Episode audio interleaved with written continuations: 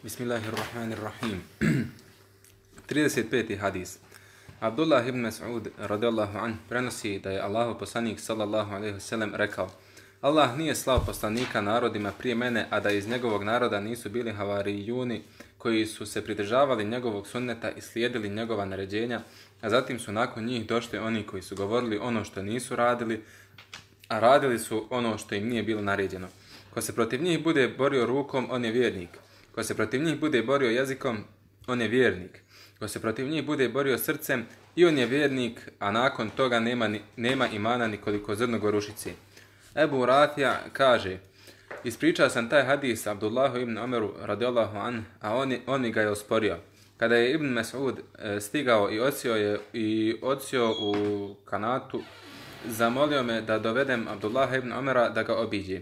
Ispričao sam to Abdullahu ibn Omeru i krenuo sam s njim. Kada smo sjeli, upitao sam Ibn Mas'uda o ovom hadisu, pa mi ga je ponovio kao što sam ga ja kazao Ibn Omeru. Alhamdulillahi Rabbil Alamin.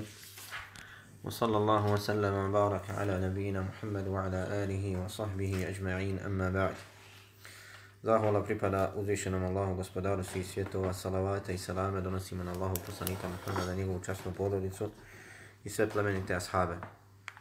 Nastavljamo s komentarom haditha eh, koje je spomenuo ima muslim u poglavlju o imanu. Hadith kojeg smo čuli, hadith Abdullah ibn Mas'uda radijallahu anhu, eh, koji prenosi od Allahu poslanika sallallahu alaihi sallam da je rekao ما من نبي بعثه الله تعالى في أمته في أمة قبلي إلا كان له من أمته حواريون وأصحاب يأخذون بسنته ويقتدون بأمره Kaže, nema nijednog vjerovjesnika koji, da ga je Allah poslao u ummetu, u narodima prije mene, a da u njegovom ummetu, da u njegovom ummetu nije bilo havarijuna i ashaba. havarijun wa ashab. I ovdje ashaba izostavljeno je prevod. Da, u njegovom, da iz njegovog naroda nisu bili havarijuni i ashabi. Havarijuni kaže se da su to pomagači. Ashabi su bliski prijatelji. Havarijuni su oni koji ga potpomognu poput ensarija koji su pomogli poslanika sallallahu alaihi wasallam. Ashabi to su oni koji su bliski prijatelji čovjeku koji uvijek idu uz njega i brane ga i štite ga. A neki kažu da su havarijun e, iskreni i dosledni sljedbenici poslanika. Kaže, nema nijednog vjerovjesnika kojeg je Allah poslao prije mene, a da u njegovom ummetu nije bilo havarijuna, da uz njega nije bilo havarijuna i ashaba, koji su ga slijedili, koji su ga pomagali. Ja'hudune bi sunnetihi wa yaqtaduna bi amri. Kaže, koji su slijedili njegov, pridržavali se njegovog sunneta i slijedili su njegova naređenja. Dakle, naređenja i sunneta i praksu prijašnjih poslanika. Thumma innaha, thumma innaha takhlufu min ba'dihim khuluf. Yaquluna ma la yaf'alun wa yaf'aluna ma la yu'marun. Zatim nakon njih došli su khuluf. A khuluf su oni koji slijede, koji dolaze nakon dobra sa zlom, sa lošim. Za razliku od halef.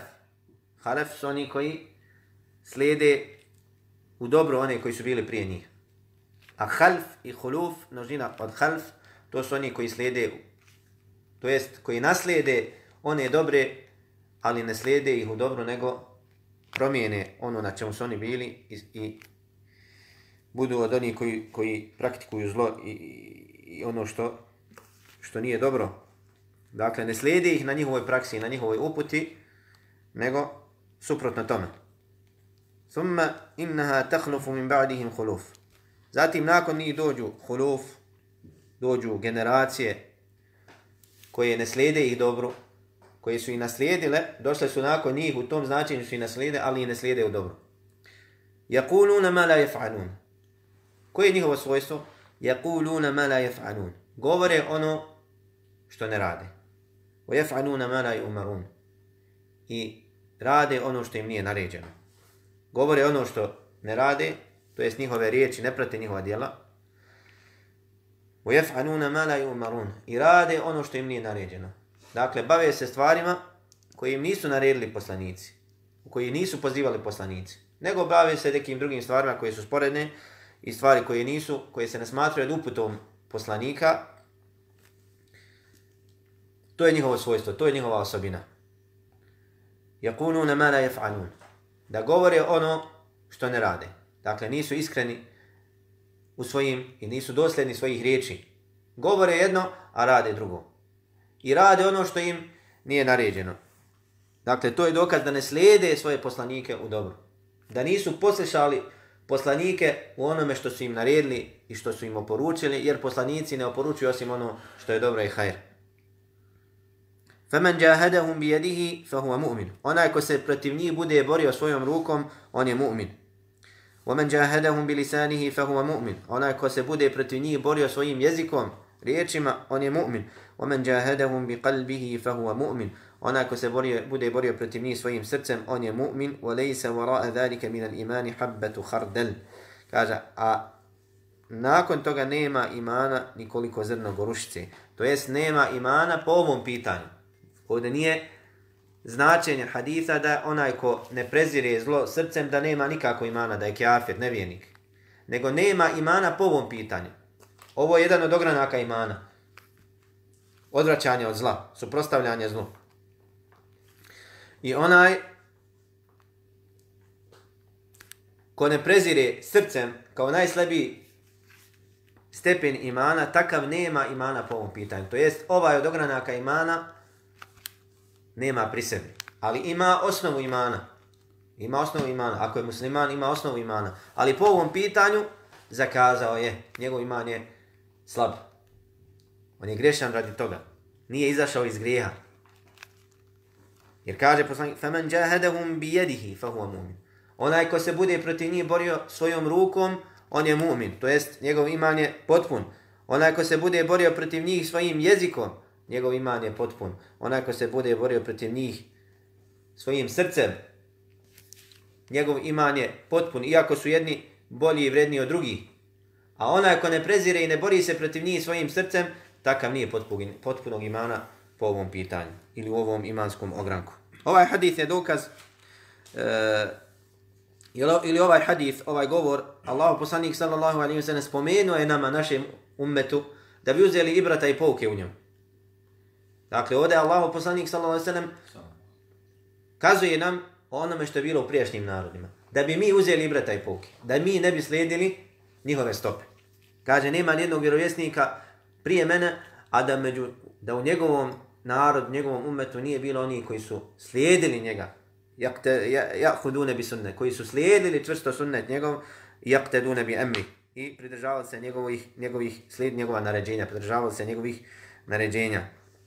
Zat, zatim nakon njih dođu oni koji su, su, koji su suprotni tome. Oni koji ne slijede njihov sunnet, ne slijede njihov sunnet i ne pridržavaju se njihovih naređenja. Dakle, to će se desiti i u ovom umetu. Nakon ashaba, nakon oni koji, koji su čvrsto slijedili i pomagali Allahu poslanika sallallahu alaihi sallam, doće skupine i grupacije koje neće slijediti poslanika i neće se čvrsto pridržavati njegovog sunneta. I Allahu poslanik sallallahu alaihi sallam opisao nam ih je, yakununa ma la yaf'alun, koji govore ono što ne rade. To jest, njihove riječi su slatke, slatkorječivi su. Govore lijepo, govore dobro, ali njihova djela ne prate njihove riječi. Jedno govore, poziva ljude u dobro, ali suprotno tome rade. Nisu okitili dijelima u praksi. وَيَفْعَنُونَ مَا لَا يُؤْمَرُونَ I rade ono što im, što im nije naređeno. To jest, praktikuju od vjere ono što im nije naređeno i što im nije propisano. Poput novotarija i pro, poput svega onoga što nije utemeljeno na vjeri. Dakle, nije ti to naređeno. Zašto činiš novotariju, nije ti naređeno, nije ti propisano. Jer ti poslanik sallallahu alaihi wasallam pozvao u to. Nije. Zašto je činiš? Radiš ono što ti nije naređeno. A treba se zadovoljiti sa onim što ti je naređeno, što ti je propisano. I zato kaže poslanik sa femen jahadahum bi yadihi fa mu'min. Onako se bude protiv njih borio svojim rukom, on je mu'min. I ovaj hadis je dokaz da je obaveza boriti se protiv oni koji iskrivljavaju vjeru, koji mijenjaju šerijat uzvišenog Allaha subhanahu wa ta'ala i mijenjaju sunnet Allahu poslanika sallallahu alaihi wa sallam. Ako je čovjek u mogućnosti rukom propisano mu je da se bori protiv njih rukom. Pod, uslov, da ne, pod uslovom da neće njegova borba protiv njih rukom proizvesti veću štetu. Dakle, bori se protiv njih rukom ako je u poziciji da se bori rukom. Kao vladar, kao čovjek koji ima vlast, kao onaj koji je nadređen. I o tome smo govorili u prethodnom predavanju. فَمَنْ جَاهَدَهُمْ بِلِسَانِهِ فَهُمَ مُؤْمِنِ Onaj ko se bude protiv njih borio svojim jezikom, svojim riječima, on je mu'min.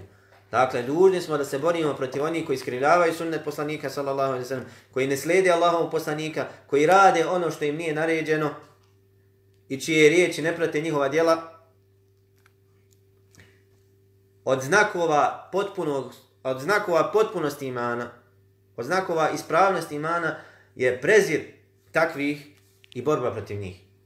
Ako čovjek nije u stanju rukom, nije u stanju jezikom, onda mu ostaje zadnji stepen, a to je da se bori protiv njih svojim srcem, to jest da i prezire i prezire njihova djela. I mimo toga, nakon toga, onaj ko ne prezire one koji se suprostavljaju sunnetu Allahu poslanika sallallahu alaihi sallam, onaj koji ne prezire svojim srcem, takav iman takvog nije potpun po ovom pitanju. On je zakazao. Također ovaj hadith je dokaz vrijednosti onih koji i, i velikog stepena fadilet onih koji slijede Allahu poslanika sallallahu alejhi ve sellem koji slijede njegov sunnet i odazivaju se njegovim naredbama. Njih je Allahu poslanik sallallahu alejhi ve sellem pohvalio ovim hadithom. Njih je Allahu poslanik sallallahu alejhi ve sellem pohvalio ovim hadithom. Također prezir i kuđenje onih koji ne slijede sunnet Allahog poslanika sallallahu alaihi wasallam, nego idu drugim putem mimo njegovog puta. Govore ono što ne rade i rade ono što im nije naređeno. Ovaj hadith je dokaz za ono o čemu smo govorili u prethodnom e, predavanju, a to je da suprostavljanje munkeru zlu, negiranje zla, otklanjanje zla, da ima tri stepena. Prvi stepen je otklanjanje zla na silu, rukom. Drugi se, ako smo u mogućnosti. Drugi stepen jezikom, riječima. Ako to nismo u mogućnosti, onda preziranje srcem pod uslovom da se udaljimo od tog zla. Da ga ne potvrđujemo svojim prisustvom. Da ne, znači, svojim prisustvom ne dajemo podršku tom zlu. Nego ako nismo u stanju da promijenimo svojim riječima i svojim jezikom, onda preziremo srcem i napustimo to mjesto. Također, ostatak ove predaje, kada je Ebu Rafija obavijestio Abdullah ibn Omera o ovoj predaji, Ibn Omer je negirao. On mu je sporio taj hadith u značenju donesi dokaz da je to rekao poslanik sallallahu alejhi Ne vjerujem ti da je to rekao. Potvrdi mi, dokaži mi da je to rekao poslanik sallallahu alejhi I onda su otišli kod Abdullaha ibn Mas'uda i on mu je potvrdio da je on lično čuo Allahov poslanika sallallahu alejhi ve sellem e, ove riječi. Ovo je dokaz da, da ashabi radijallahu anhum da su bili pažljivi po pitanju haditha poslanika sallallahu alejhi ve sellem. Ne bi olako prihvatali hadise. Ne zato što su utjerivali jedni druge u laž, nego zato što su želeli, želeli su da pošalju poruku drugima da budu oprezni po pitanju sunneta.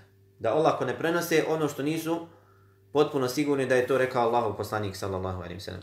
I primjera toga je mnogo u vremenu ashaba radijallahu anhum kako su bili oprezni po pitanju prenošenja sunneta poslanika sallallahu alejhi ve sellem.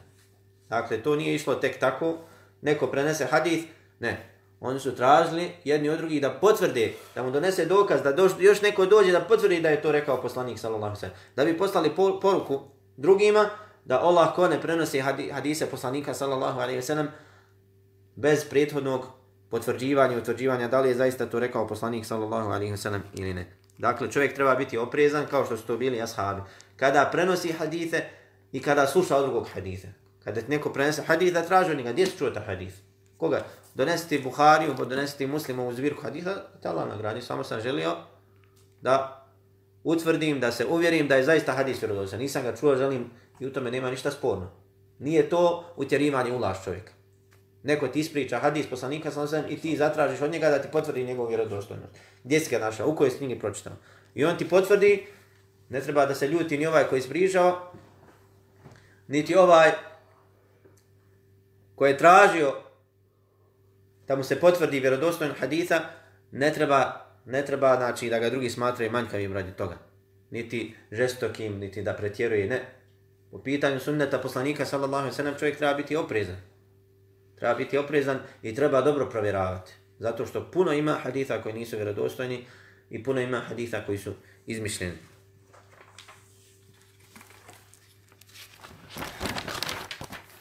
Poglavlje Samo vjernik Aliju voli, a mrzi ga samo licemir.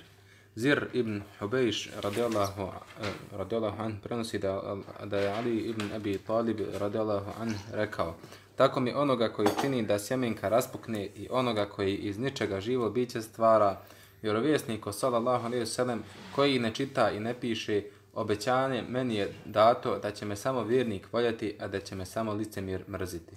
Zatim sljedeći hadith koji je spomenuo ima muslim je hadith koji govori o fadiletu Ali radijallahu anhu.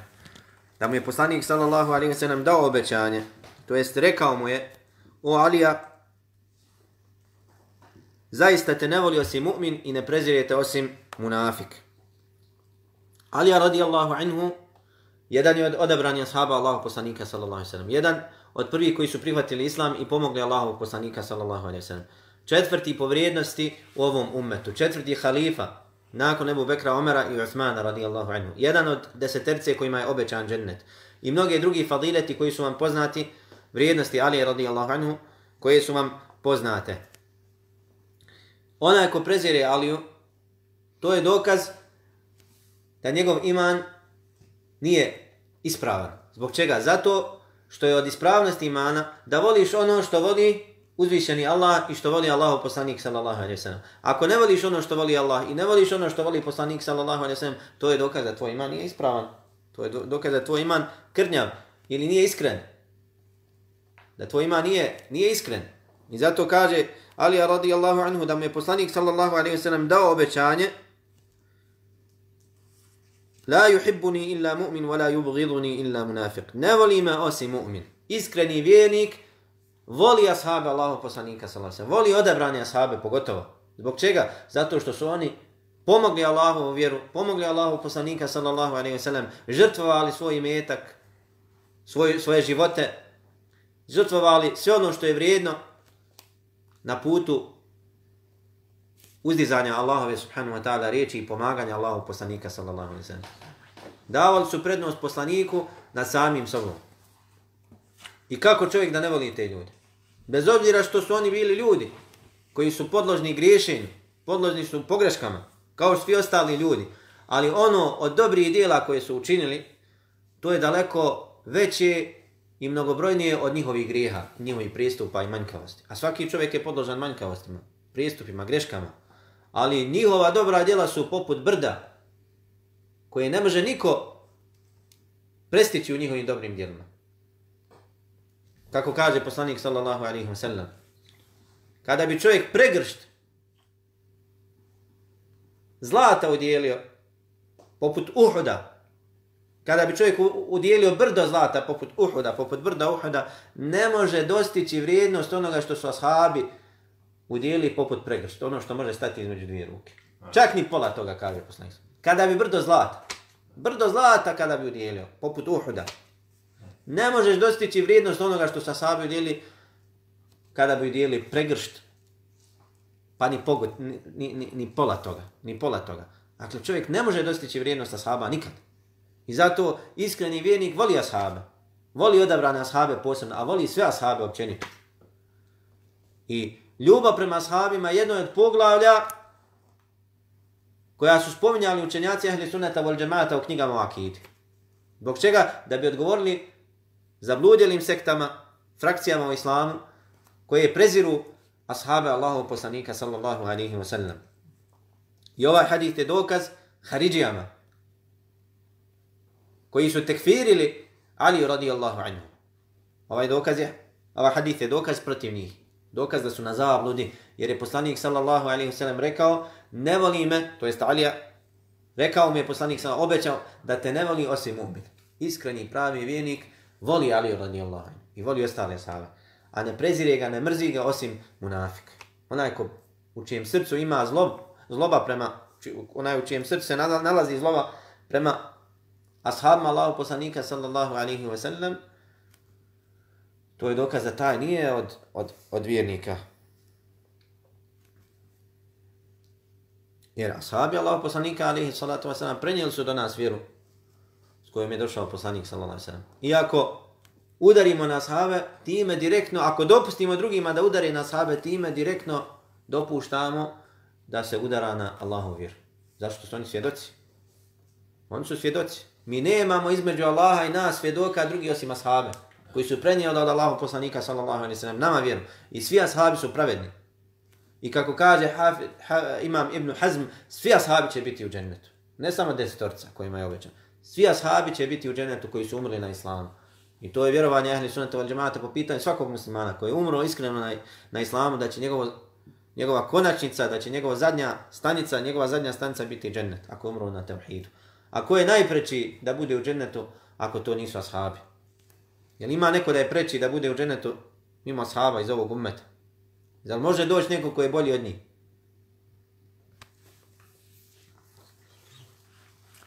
E, poglavlje Voljeti ensarije znake imana, a mrziti ih znake licemjerstva. 37. hadis. Al-Bara'a radijallahu an prenosi da je vjerovjesnik sallallahu alaihi wasallam rekao o ensarijama. Njih voli samo vjernik, a mrzi ih samo licemir. Ko njih zavoli, Allah će ga zavoljeti, a ko njih zamrzi, Allah će ga zamrziti. Ovaj hadis poput prethodnog pućuje nas na obavezu ljubavi prema ashabima Allahu poslanika sallallahu alejhi ve sellem da smo dužni voljeti ashabe Allahu poslanika sallallahu alejhi ve sellem Ovde po pitanju Ensarija kaže poslanik sallallahu alejhi ve sellem la yuhibbuhum illa mu'min wa la yubghiduhum illa munafiq. Njih ne voli osim pravi vjernik, a ne prezire ih osim munafik. Men ahabbahum ahabbahu Allah. Onaj ko njih voli, njega Allah voli. Wa man abghadahum abghadahu Allah. A onaj ko njih mrzi i njega će Allah zamrziti. Pa šta onda reći za muhađire koji su na, veću, na većem stepenu od, od ensarija? Dakle, ovdje poslanik sallallahu alaihi sallam govori o ensarijama, onima koji su podržali i pomogli Allahu poslanika sallallahu alaihi ve sellem, koji su prijemili poslanika sallallahu alaihi ve sellem i, svoje, i njegove ashabe, koji su otvorili vrata svojih kuća, dali, podijelili sa njima svoj metak, pomogli Allahu vjeru. Kada su ashabi, kada su ensarije otvorile Medinu, kada su primili Allahu poslanika sallallahu alejhi ve sellem i njegove ashabe, oni su znali da tim činom ulaze u rat protiv svih Arapa. Znali su da to znači rat protiv svih Arapa. I pored toga nisu pokolebali, nisu, nisu se predomišljali, nego su odmah prihvatili poslanika sallallahu alejhi ve sellem i dali su prednost nad samim sobom. Poslaniku sallallahu alejhi ve sellem njegovim ashabima, muhadžirima. I zato imaju poseban stepen u islamu, ensarije. Dobili su naziv ensarije, pomagači, pomagači Allahove vjere. Pomagači Allahove vjere.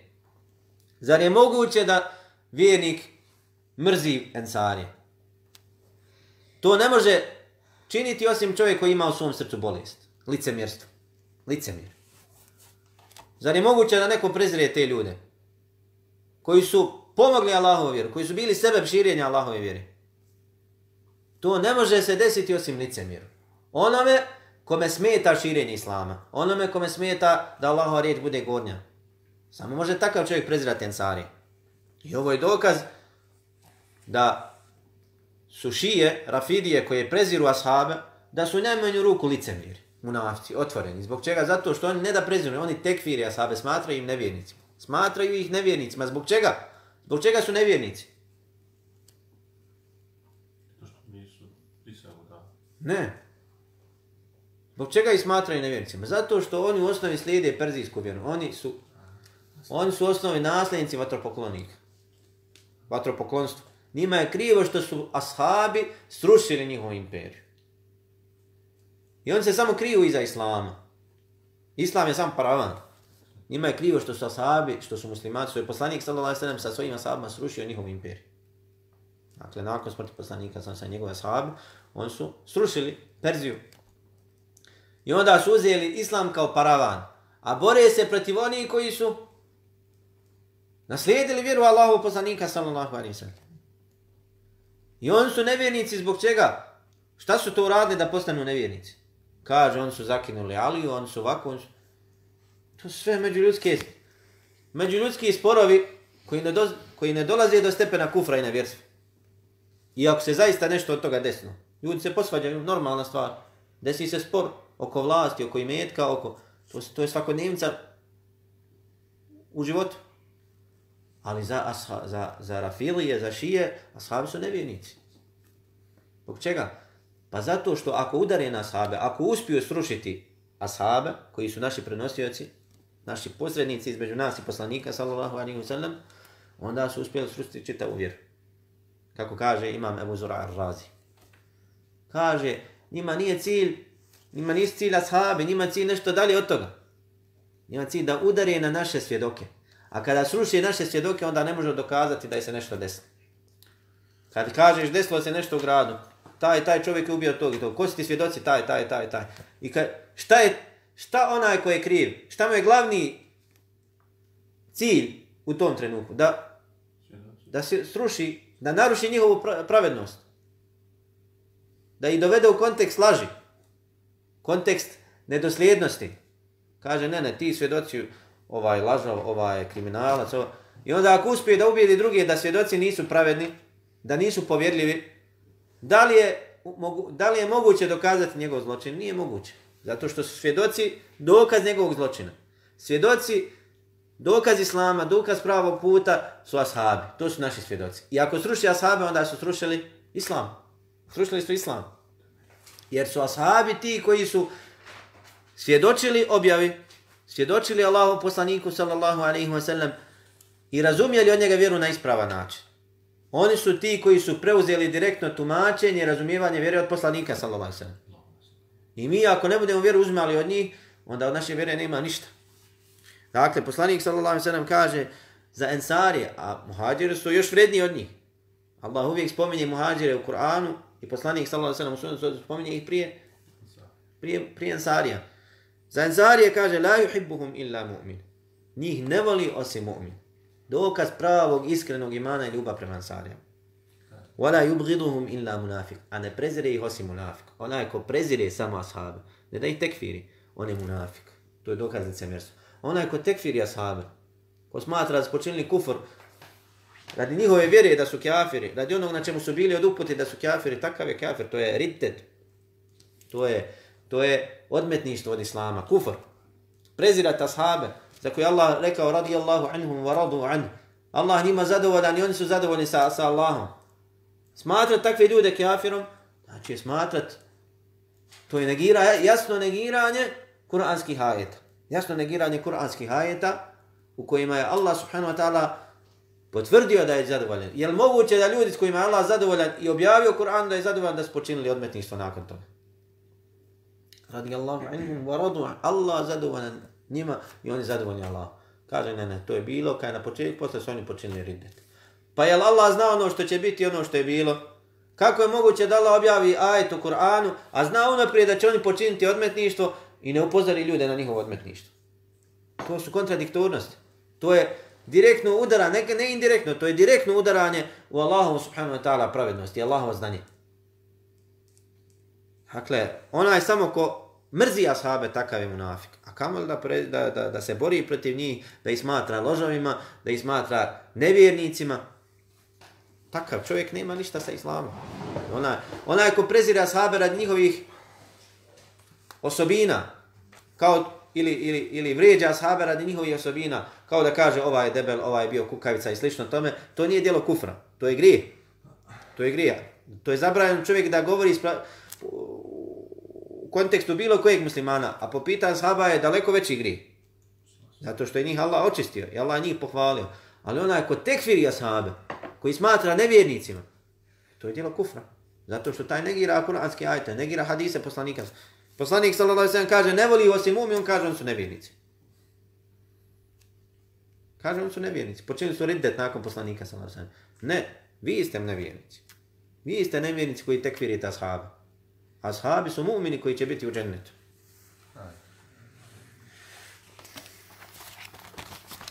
E, poglavlje Iman će se doista skloniti u Medinu. 38. hadis. Ebu Hurere radijallahu an prenosi da je Allah poslanik sallallahu alaihi wasallam rekao Iman će se doista uvući u Medinu kao što se zmija uvuče u svoju rupu. E, sljedeći hadith koji je spomenuo ima muslim je ovaj hadith Al imanu ja'rizu ila al-Madinati kama ta'rizu al-hayyatu ila juhriha. Zaista se iman povlači, vraća u Medinu kao što se zmija uvlači, vraća u svoju rupu. Ovaj hadith je e, dokaz vrijednosti Medine Allahu poslanika sallallahu alejhi ve sellem da je to grad koji ima svoju posebnu vrijednost, svoj stepen u islamu, grad koji je svet i koji ima odlike one odlike koje nemaju drugi gradovi. A od tih odlika je i ovaj hadith, da se iman, pravo vjerovanje, ispravno vjerovanje, vjerovanje povlači nazad u Medinu, kao što se zmija povlači nazad u rupu. Iman kada je krenuo iz Medine, bio je, nije toliko bio raširen među ljudima, pravo vjerovanje. Krenulo je skupine, male skupine ljudi, pa se raširio po čitavom dunjalku. Kao hadith, nešto poput haditha drugog, I kaže poslanik sallallahu alejhi ve sellem: "Bada al-islamu ghariban wa sayudu ghariban kama bada." Islam je započeo čudan, usamljen i vratit će se nakon toga, ponovo će postati čudan, nakon što se raširio, nakon što je postao poznati, raširen među ljudima, ponovo će postati čudan. Ponovo će se vratiti. Tako isto, iman je izašao jednog dana iz Medine. I kada se raširio među ljudima, opet će se početi povraćati u Medinu. Zbog čega? Zato što se iskreni pravi vjernici vraćaju u Medinu. Zato što srca pravi iskrenih vjernika teže za Medinu. I nastoje, pokušavaju da dođu do Medine. I zato je Medina mjesto gdje se okupljaju najbolji vjernici. Gdje se okupljaju iskreni vjernici. Zbog čega? Zato što ka Medini teže srca pravih iskrenih robova. Učenjaka, muđahida, e, borca na, boraca na Allahom putu, pobožnjaka i tako dalje. Teže im srce za Medinu. I onda oni dolaze u Medinu. I onda se okupljaju u Medini i iman se okuplja i vraća se nazad u Medinu. Nakon što se iman raširio po čitavu dunjalku. Ali kada iman oslabi, onda će rijetka mjesta gdje će biti iman, biti mjesta gdje se okupljaju pravi iskreni vjernici. A Medina je zasigurno najpreće mjesto i mjesto gdje će se sigurno najviše iskreni pravi vjernika okupljati.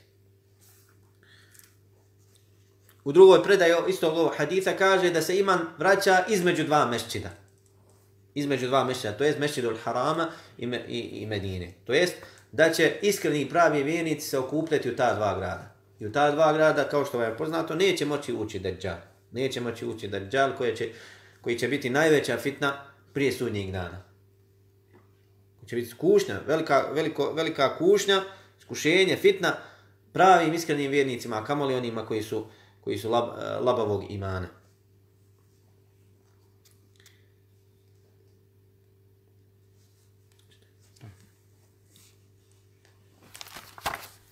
E, poglavlje Iman i mudrost su jemenski. 39. hadis. Ebu Hureyre radijallahu an kaže Čuo sam Allahovog poslanika sallallahu alaihi wasallam kako govori Došli su stanovnici Jemena. Oni su najtananijih duša i najnježnijih srca. Iman i mudrost su jemenski. Smirenost je kod pastira sitne stoke, a oholost i, i obraženost je kod pastira deva i konja koji podižu svoje glasove koji se nalaze u pravcu izlaska sunca. Zatim ovaj hadith koji je spomenuo ima muslim, e, ukazuje na vrijednost stanovnika Jemena u prvo vrijeme. Tako, da stanovnici Jemena koji su došli da prihvate islam i došli Allahov poslaniku sallallahu alaihi wa sallam, da su imali odlike koje nisu imali drugi. I to je svojstvo i osobina koja je ostala kod stanovnika Jemena. Kako kaže poslanik sallallahu alaihi wa sallam, Atakum jaa ahlul Jemeni. Atakum ahlul Jemeni. Došli su vam stanovnici Jemena, Jemenci. Hum araqu afidatin wa alijenu kuluba ili wa ad'afu kuluban. Oni su araqu afidatan. Kaže, njihova, njihova srca su najnježnija i najslabiji srca. Dakle, njihova srca su najnježnija i najslabija. Nisu oholi, nisu osori ne ohole se i ne, ne uzdižu se na drugima, nego su njihova srca nježna. I u tome je pohvala takvih ljudi, onih koji su, oni čija su srca nježna i blaga. Dakle, ovaj hadith je posticaj da čovjek očisti svoje srce. Da učini svoje srce, da se trudi da njegovo srce bude blago i nježno. A ne oholo i osoro i, i, i nadmeno. Kaže, al imanu jemanin, wal hikmetu jemanije. Kaže, iman je jemenski. To jest pravi, potpuni iman nose u sebi stanovnici Jemena. I mudrost je jemenska. To jest govor jemenaca, kada govore, oni govore sa mudrošću. I prava, istinska mudrost je mudrost sa kojim dođu jemenci. Zbog čega? Zato što je njihov iman jak. Kako kaže Hafid ibn Rajab, Allah poslanik sallallahu alaihi sallam pohvalio stanovnike Jemena. A od svih ljudi jemenci najmanje pričaju. Od svih ljudi jemenci najmanje pričaju. I oni koji znaju, koji su upoznali jemence, mogu to potvrditi. Jemenci najmanje govore o drugih. To jest, njihov govor je iskren. Oni ne govori osim oni, ono za čime ima potrebe. A kada kažu nešto, drže se toga. Kada kažu nešto, drže se toga. I to je tu osobinu, to svojstvo je pohvalio Allah poslanik sallallahu alejhi ve sellem ovim hadisom. I zato kada se vratimo primjera radi samo na pisana djela. Najmanje djela pisanih u islamskoj biblioteki je došlo iz Jemena. Najmanje su napisali knjige. Za razliku od stanovnika drugih mjesta, drugih država, drugih provincija islamskih, koji su puno pisali, ostavili su za sebe puno knjiga. Poput Iračana, poput Egipćana, Misrijaca, poput Šamljana, poput Medinjana i tako dalje. Dok Jemenci vrlo malo knjiga su za sebe ostavili. Kaže Hafid ibn Rajab, to je zato što su njihova djela, što su njihove riječi bile malobrojne, ali su bile riječi koje su iskrene, koji rađaju plodom. Koji rađaju plodom. I tako čovjek treba da bude. Zato što je poslanik sallallahu alejhi ve sellem pohvalio Jemence radi ovog svojstva. Čovjek treba malo da priča, pravi, iskreni vjernik treba malo da priča, a puno da radi. I kada kaže nešto, da to ima svoju težinu.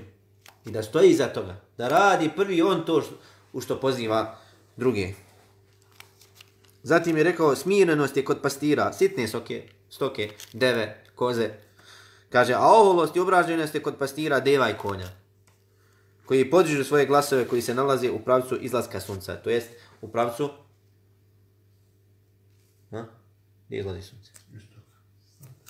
U pravcu istoka. U pravcu istoka kada, čovjek, kada je čovjek u Medini. Koja država, koje mjesto je u pravcu istoka iz Medine?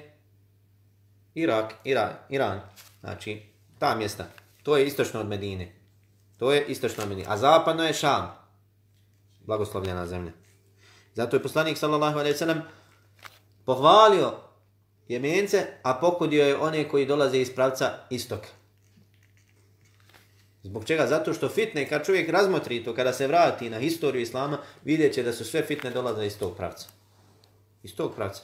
Smutnje, fitne, iskušenja koja su pogađala ovaj umet, 90% ili 80% tih fitnih dosla iz pravca istoka.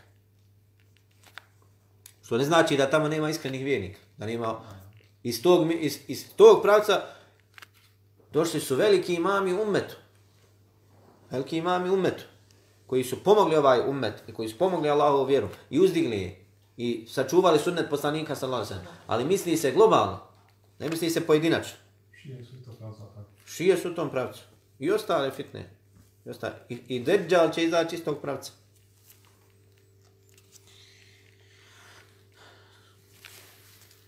Četrdeseti hadis. Žabir ibn Abdullah uh, radijallahu an prenosi od Allahovog poslanika sallallahu alaihi wasallam da je rekao grubost i surovost srca je na istoku, a iman je kod stanovnika Hidžaza. Dakle, grubost i surovost srca je na istoku, iz pravca istoka. To jest oni koji žive na istoku većinom su grubog i osorog srca. Grubog i surovog srca. A iman je kod stanovnika Hidžaza. To jest pravi iman, potpuni iman je kod stanovnika Hidžaza. I ovom hadithu poslanik sallallahu alaihi sallam pohvalio je, to je velika pohvala stanovnicima Hidžaza. A Hidžaz su Meka i Medina i mjesta okolo Meke i Medine. Dakle, ovdje je pohvala onima koji, koji borave u Hidžazu, koji borave u Mekke i Medini. Poslanik sallallahu alaihi wasallam pohvalio njihovo vjerovanje, njihov iman. To je vrijednost stanovnika Hidžaza. Također i upozorenje na one koji dolaze iz pravca istoka, da su većinom grubog srca, surovi. I ovaj hadith treba čovjek uzeti kao vodilju da ne bude takav. Dakle, da očisti svoje srce od grubosti i od surovosti.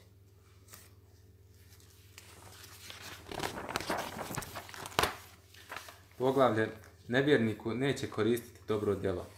41. hadis. Aisha radallahu anha je upitala. Allaho poslaniće, Ibn Đud'an je u predislamsko doba održavao rodbinske veze i hranio je siromašne. Hoće li mu to koristiti? Allahov poslanik sallallahu alaihi wa sallam je odgovorio, neće mu koristiti jer on nije ni jednog dana zamolio gospodaru oprosti mi grijehe na danu sudnjem. Aisha radijallahu anha pitala je poslanika sallallahu alaihi wa sallam za jednog svog rođaka koji se zove Abdullah ibn Đudhan, A bio je poznat u džahilijetu, u predislamskom dobu, Bio je poznat po dobročinstvu, činio je dobročinstvo drugima, bio je poznat po plementosti. Pomagao je druge, hranio siromašne, održavao rodbinske veze. Pa Aisha radijallahu anha pita poslanika sallallahu alaihi sallam, hoće li mu išta to koristiti? Hoće li mu to koristiti na sudnjem danu? Pa kaže poslanik sallallahu alaihi sallam, la yanfa'u, innahu lam yakul yawman Rabbi gfir li khati'ati yawm ad-din. Kaže neće mu to koristiti jer on nije ni jednog dana rekao, nije zamolio svog gospodara oprosti mi grijehe na danu sudnjem, na danu vjere. Dakle ovaj hadis je dokaz da će dijela nevjernika biti pretvorena u prah na sudnjem danu, da neće imati nagrade za svoja dobra djela na dunjalku. وَقَدِمْنَا إِلَى ila ma amilu min amalin faj'alnahu مَنْثُورًا. Dakle, mi ćemo do, do, dovesti, donijeti sva ona dobra djela koja su činili, pa ćemo ih u prah pretvoriti, kaže uzvišeni Allah. Subhanahu wa ta'ala. I zato da bi čovjekova dobra djela bila primljena, glavni uslov je da bude musliman. Da bude musliman. Jer bez islama dobra djela neće biti primljena. Hoće li čovjeku koristiti ta djela? Moguće da mu koriste, ali neće ga, neće mu koristiti u značinu da ga neće izvesti iz džehennama. Moguće je da mu dobra djela umanje kaznu na ahiretu. Zbog čega? Zato što onaj prelazi grancu zlu. Hoće li biti na istom stepenu kao onaj koji je činio dobro? Neće. Onaj koji je prelazio grancu zlu, on će biti još gore, još goro i većoj pati na ahiretu, na sunjem danu. Za razliku od onog koji je imao i dobrih dijela, koji nije, bio, koji nije prelazio granice u zlo. To je dokaz da će dobra djela koristiti im na hiretu u značenju da će im umanjiti patnju. Kao što će Ebu Talibu, Amidži Allahov poslanika sallallahu alaihi sallam, koristiti to što je pomagao poslanika. Da će biti u pličaku džehennema, u kojem će mu mozak ključati od, od vrućine i žestine patnje, ali, ali će ga to spasti još veće kazne. To će ga spasti još veće kazne. Ali neće mu koristiti, dakle, nevjerniku, ma koliko god bio dobar na dunjalku, ako je umro na nevjerstvo, nije prihvatio islam, neće mu koristiti ta dobra dijela na ahiretu u značenju da će ga spasti patnje u džehennem. Ne. U džennet neće ući osim musliman. Osim onaj koji je bio na ispravnom vjerovanju a moguće je da mu dobra djela, da mu Allah subhanahu wa ta'ala dadne nešto od nagrade radi njegovih dobro, dobrih djela na dunjalku. Sačuva ga belaja, podari mu obskrbu, sačuva njegovu porodicu, zato što je činio dobro drugima. Ali na to neće imati nikakve, nikakve nagrade za to. Ehm, poglavlje, nećete ući u džennet dok ne budete vjerovali. 42. hadis. Ebu Hureyre radijallahu an prenosi da je Allahu poslanik sallallahu alaihi sallam rekao Nećete ući u džennet dok ne budete vjerovali, a nećete vjerovati sve dok se ne budete međusobno voljeli. Hoćete li da vas uputim na nešto, ako ga budete činili, međusobno ćete se voljeti, širite selam među sobom. U ovom hadithu poslanik sallallahu alaihi sellem potvrđuje prijedlono što smo spomenuli La tadhuluna al jannata hatta tu'minu Nećete ući u džennet sve dok ne budete vjerovali. Dakle, u džennet neće ući osim mu'minska duša, osim, osim mu'min, pravi vjernik, musliman, u džennet neće ući nevjernici i sljedbenici drugih vjera, ili munafici, licemiri. Nećete ući u džennet sve dok ne budete vjerovali. Wala tu'minuna hatta tahabbu. A nećete potpuno biti vjernici, nećete biti potpuni vjernici, neće vas ima, vaš iman biti potpun sve dok se ne budete međusobno voljeli. A o ljubavi među muslimanima prije smo govorili. Dakle, bio je posebno, posebno predavanje, smo tome posvijetili. Kada smo komentarsali hadith, tri svojstva, tri osobine kod koga se nađu, osjetit će slast imana. Pa smo rekli, وَأَنْ يُحِبَّ الْمَرْأَ لَا يُحِبُّهُ إِلَّا لِلَّهِ I da voli čovjeka, ne voli ga osim radi Allaha. To je jedno od ta tri e, svojstva, ili tri osobine koje se, koje kada, kada se nađu kod čovjeka, osjetit će slast imana. Kaže ovdje poslanik sallallahu alejhi ve sellem la tadkhuluna al-jannata hatta tu'minu. Nećete ući u džennet sve dok ne budete vjerovali. A nećete vjerovati sve dok se ne budete voljeli međusobno. To jest neće vaš iman biti potpun. Ovdje ne znači da nećete biti muslimani. Da onaj ko ne voli svog brata da je radi toga počinio kufr i nevjerstvo. Ne, ne odnosi se na to. Nego neće vaš iman biti potpun. Awala adullukum ala še'in idha fa'altumuhu tahabbtum kaže, želite li, hoćete li da vas uputim na nešto, ako ga budete činili, međusobno ćete se voljeti, kaže, efšu selame bejnakom, širite selam među sobom. To jest, širite selam među sobom. Selam je početak ljubavi. Čovjek, čovjek između čovjek sa kojim imaš spor, prvi način da riješiš taj spor je da mu nazoveš selam, da počneš sa nazivanjem selama. I onda selam za sobom vuče ostale stvari. Selam vuče da sjednu, pa onda njihovo sjelo vuče da se pomire, da se dogovore i tako dalje. Ali bez selama ne možeš prijeći. Dakle, selam je prvi korak da izmiriš svoje račune sa svojim bratom muslimanom. Ako je neko prema tebi pogriješio, nazove ti selam, odgovor mu selam. Ili ti ako si prema nekom pogriješio, Nazovi mu selam. Započni sa selamom. Dakle, to je lijek koji nam je propisao Allahu poslanik sallallahu alejhi ve Želite li da vas uputim na nešto, ako budete činili, zavoljet ćete se međusobno. Kaže, hoću. Širite selam međusobno. Širite selam. Jer selam je sebe uzrok da se zavolimo međusobno. Ako se zavolimo međusobno, to je, do, to je uzrok da naš iman postane potpun. Da, da naš iman dostigne potpunost. A potpunost imana je sebe ulaska u džennet. Dakle, ako ostvarimo iman u potpunosti, ako nas ima, naš iman bude potpun, ne bude manjkav, ući ćemo u džennet prije ostali. Ući ćemo u džennet prije ostali. Dakle, ljubav međusobna među muslimanima koja je iskrena u ime Allaha, samo radi Allaha subhanahu wa ta'ala, ta, ima, ta ljubav je dokaz potpunosti imana. A, lju, a vjernici koji budu ostvarili svoj iman u potpunosti, ući će u džennet bez polaganja računa i bez kazne put ka tome, prvi korak ka tome, nazivanje selama. I u tome je vrijednost nazivanja selama. I poznati su vam hadithi koji govore o vrijednosti selama. Poslanik sallallahu alejhi ve sellem među prvih stvarima koje je rekao kada je došao u Medinu, bile su i riječi ejuhan nas afšu selam wa at'imu ta'am wa silu arham wa sallu bin lejni wa nasu nijam al-jannata bi selam. O ljudi, Abdullah ibn Selam, kako je zabio imam Ahmed u Musadu, prenosi da je poslanik sallallahu alejhi ve sellem prvo što je rekao, kaže kada je čuo da je došao poslanik, otišao sam da ga vidim. Abdullah, Abdullah ibn Salam bio židov. Otišao sam da ga vidim. Kada sam vidio njegovo lice, kaže, znao sam da to nije lice lažova.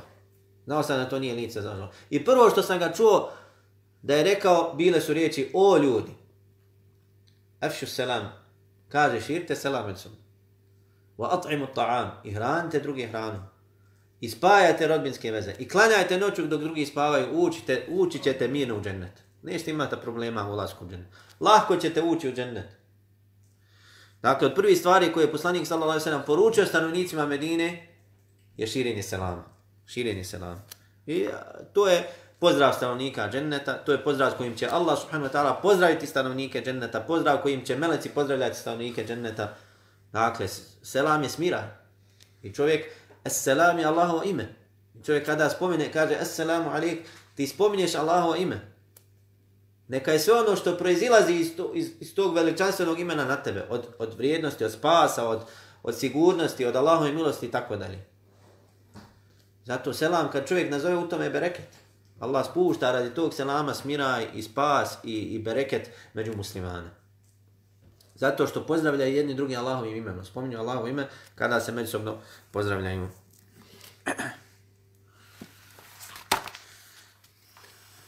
Poglavlje, vjernik kad blud čini nije vjernik. 43. hadis. Ebu Hurere radijallahu an prenosi da je Allahu poslanik sallallahu alaihi wasallam rekao Bludnik prestaje biti vjernik u času kada blud čini kradljivac kada krade i onaj koji pije alkohol u času kada to radi. Ebu Hurere je tome pridodao. Niti je vjernik onaj ko otima nešto važno u što narod upire pogled u času kad to čini. U Hemmamovom hadisu stoji Nije vjernik onaj u koga vjernici gledaju u trenutku kada otima tuđe i dodaje, niti je vjernik onaj koji krade u času kada to radi. Čuvajte se, čuvajte se. U ovom hadithu poslanik sallallahu alaihi sallam negira iman onome ko čini ove velike grehe, poput zinaluka, pijenja, alkohola, otimačine, krađe i tako dalje. Kaže, la jezni zani hina jezni vohu mumin. Ne čini blud, bludnik dok čini blud, a on je mumin. U drugoj predaji kod Ibn Abbasa, prenosi se da je Ibn Abbas sastavio svoje ruke ovako, ovako je dok si mu'min. Kaže, kada učini grijeh, ovako se odvoje ruke. Kaže, kada se pokaje, ponovo se, ponovo se spoje prsti. Ili poput oblaka koji se uzdigne iznad čovjeka i onda se ponovo spusti. Dakle, kada čini taj grijeh, iman izađe iznad njega i staje iznad njega. To jest, taj naziv, mu'min, ne dolukuje tom čovjeku dok čini taj grijeh. On je zinalčar, bludnik. Dok činiš blud, ne nazivaš se mu'minom, ne da si izašao iz vjere radi toga. Ne, nego taj plemeniti naziv, mu'min, neispravno je za tebe spominjati. Ti si bludnik, ti si kradljivar, ti si onaj koji pije alkohol Iman se uzigne na tebe. Sad će kada dok završi sa tim grijehom pa se onda vrati. Tako je e, to pojasnio poslanik sallallahu alaihi sallam ili uporedio. Ovaj hadith nije dokaz Haridžijama koji tekfire muslimane za velike grehe, radi velikih greha. Ovdje riječi poslanika sallallahu alaihi wa sallam وَهُوَ mu'min, ne čini blud dok čini blud, a on je mu'min, ne, zna, ne odnose se na to da je počinio radi toga nevjerstvo. Da je činjenjem zinaluka postao nevjernik. Zbog čega? Zato što drugi ajeti, drugi hadithi upućuju na to da onaj ko čini velike grehe nije radi toga izašao iz islama. Allah subhanahu wa ta'ala kaže inna Allaha la yaghfiru an yushraka bihi wa yaghfiru ma duna zalika liman yasha. Allah neće nikome oprostiti da mu se čini širk, a oprostit će ono mimo toga kome on hoće.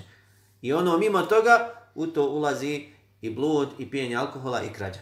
Dakle, čovjek kada učini blud, kada, uči, kada se napije alkohola, kada ukrade, počinio je veliki grijeh koji narušava njegov iman, koji slabi njegov iman, ali nije radi toga izašao iz islama. Osim ako halali činjenje tog grijeha. Ako smatra da je dozvoljeno, to je druga stvar.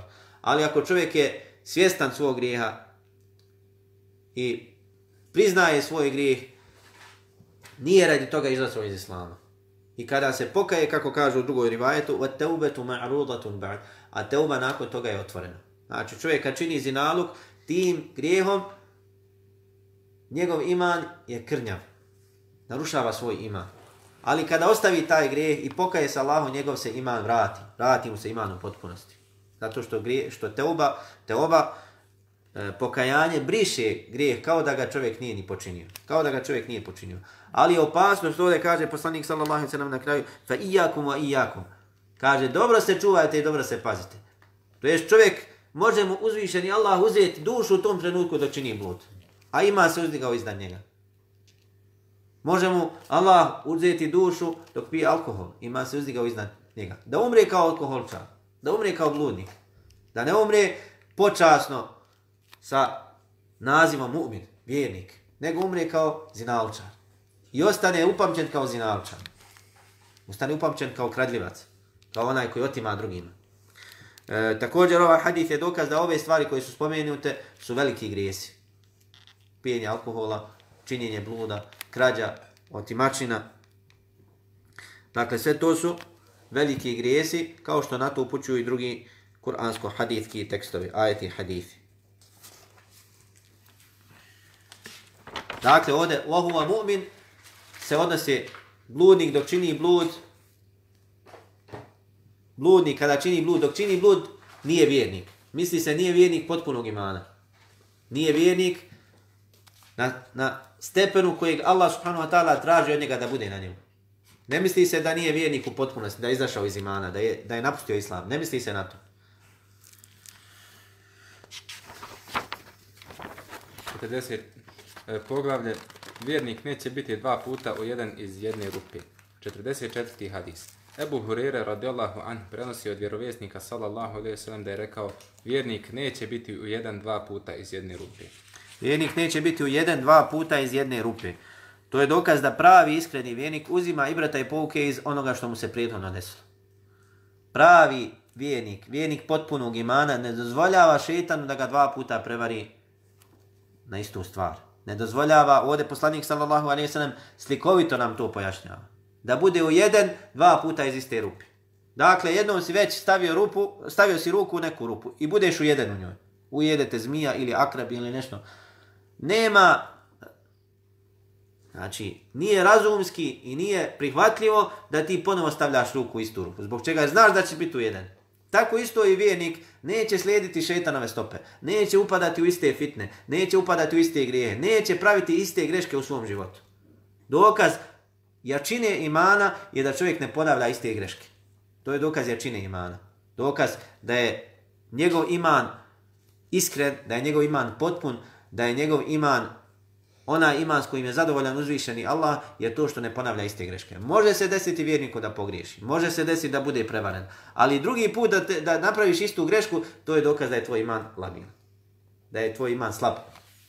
Da se, la, da se lahko pokolebi. Dakle, lako te šetan drugi put prevari. I to je dokaz da moraš raditi na svom imanu. Da to nije iman s kojim je zadovoljan uzvišeni Allah. Jer ovdje kaže poslanik sam, la yuldagul mu'minu min juhnin wahidin ne smije biti u jedan, neće biti u jedan vjernik dva puta iz iste rupe. Dakle, pravi iskreni vjernik, to je njegovo svojstvo i osobina. Da ne pravi iste greške dva puta. Jednom si pogriješio, nemoj sebi dozvoliti drugi puta. Ako sebi dozvoliš, to je dokaz da tvoj iman još uvijek nije na, na stepenu na kojem treba da bude.